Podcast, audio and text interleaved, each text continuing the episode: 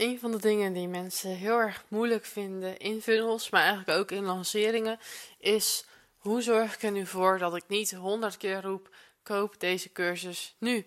En dat je het gevoel hebt dat je maar constant weer hetzelfde herhaalt, dat mensen het inmiddels wel een keer weten. Dat je haast een beetje bezwaard voelt om weer hetzelfde te gaan delen, weer mensen op te roepen om te gaan kopen.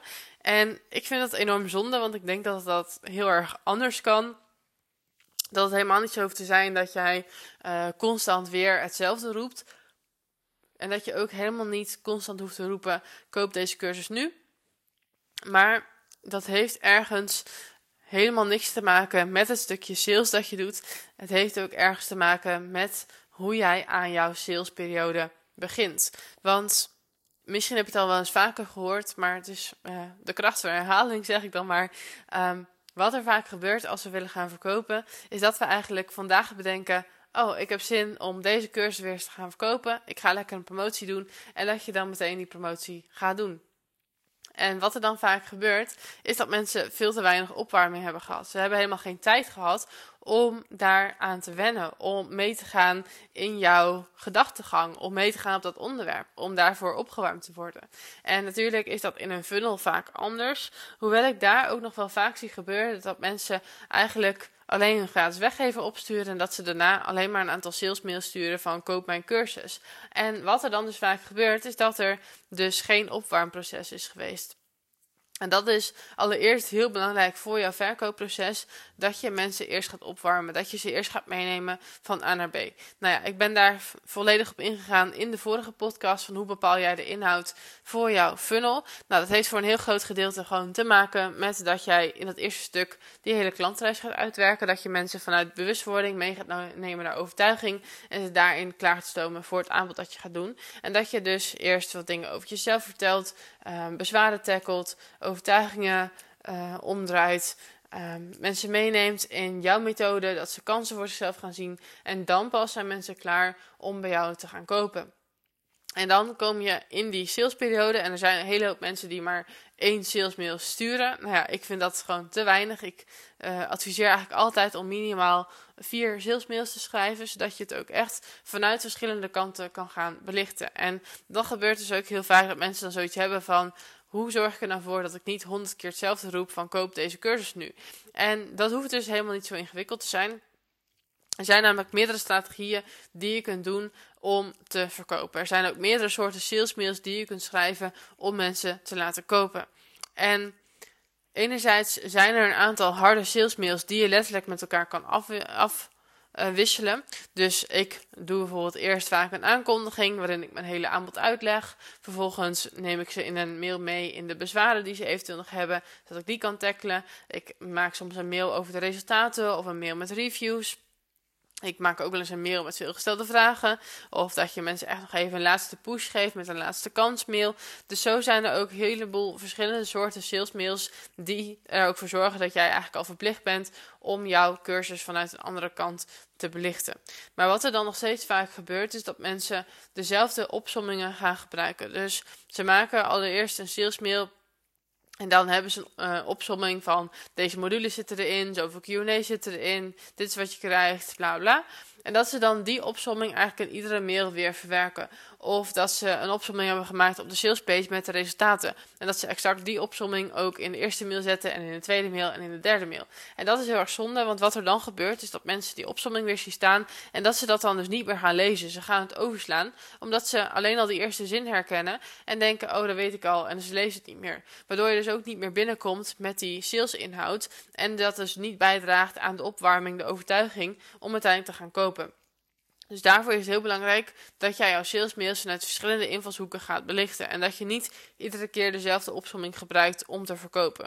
Maar dat je dus uh, bijvoorbeeld in de aankondiging de opsomming gebruikt. En dan in de twee mails daarna niet. En dan in de laatste mail nog wel een keer als laatste kansmail. Van dat jij nog even die resultaten op een rijtje zet. Of de inhoud. Of nou ja, net wat voor jou werkt. Ook daar zijn weer een hele hoop visies op, maar dat is iets te veel voor deze podcast. Ehm, maar wat gewoon heel belangrijk is in het stukje sales, is dat jij jouw sales vanuit verschillende invalshoeken gaat doen.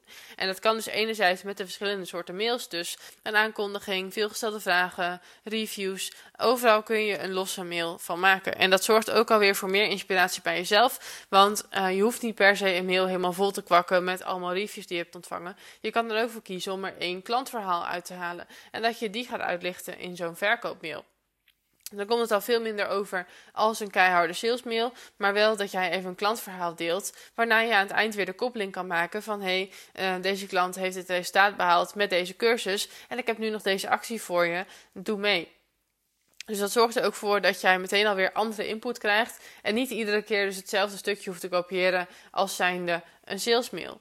Um, daarnaast kun je ook nog op een hele verkapte manier gaan verkopen. En dat doe ik dan niet per se in de funnels. Daar maak ik toch vaak gebruik van die nou ja, verschillende categorieën salesmails waar we het net over hadden. Maar wat ik bijvoorbeeld in een lancering wel vaak doe, is dat ik ook een tijdje verkapt ga verkopen. Dus dat ik de waardemails eigenlijk ga mixen met de salesmails.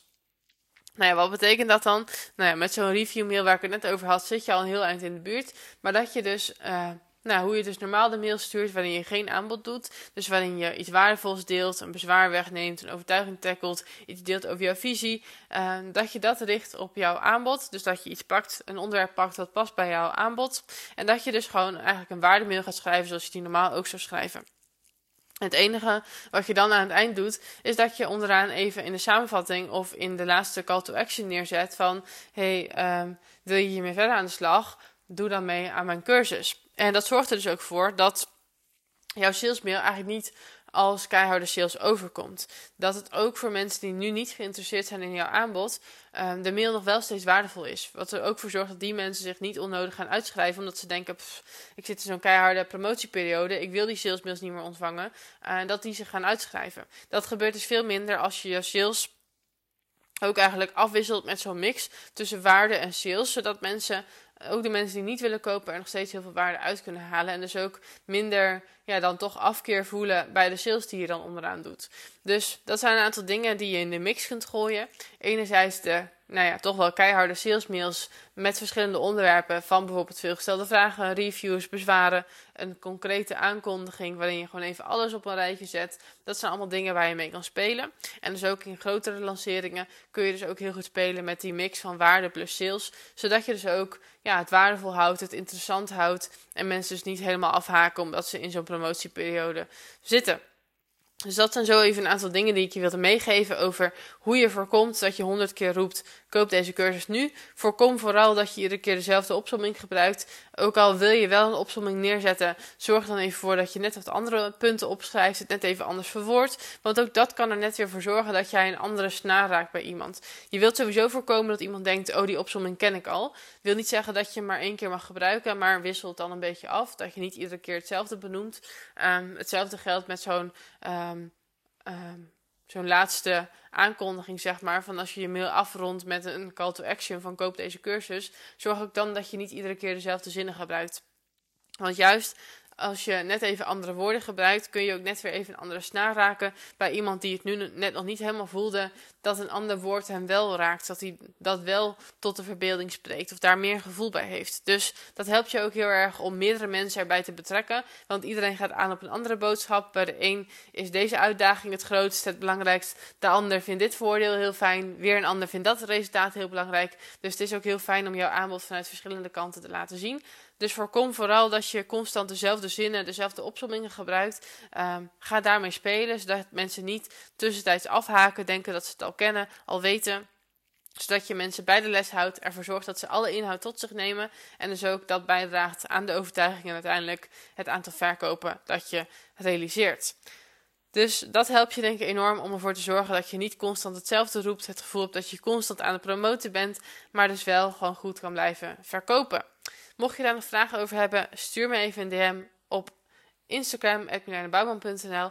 Mocht je deze podcast waardevol vinden, zou ik het ook enorm waarderen als je even een review wilt achterlaten. En Spotify kan het al gewoon door een aantal sterren achter te laten. Helemaal niks moeilijk, maar dan help je mij wel om deze podcast verder te laten groeien. Dus dat zou ik enorm waarderen. Doe het overigens alleen als je het ook echt meent. Het hoeft niet voor de fake of omdat ik het van je vraag. Um, en verder zou ik zeggen, nog een hele fijne dag en tot in de volgende podcast.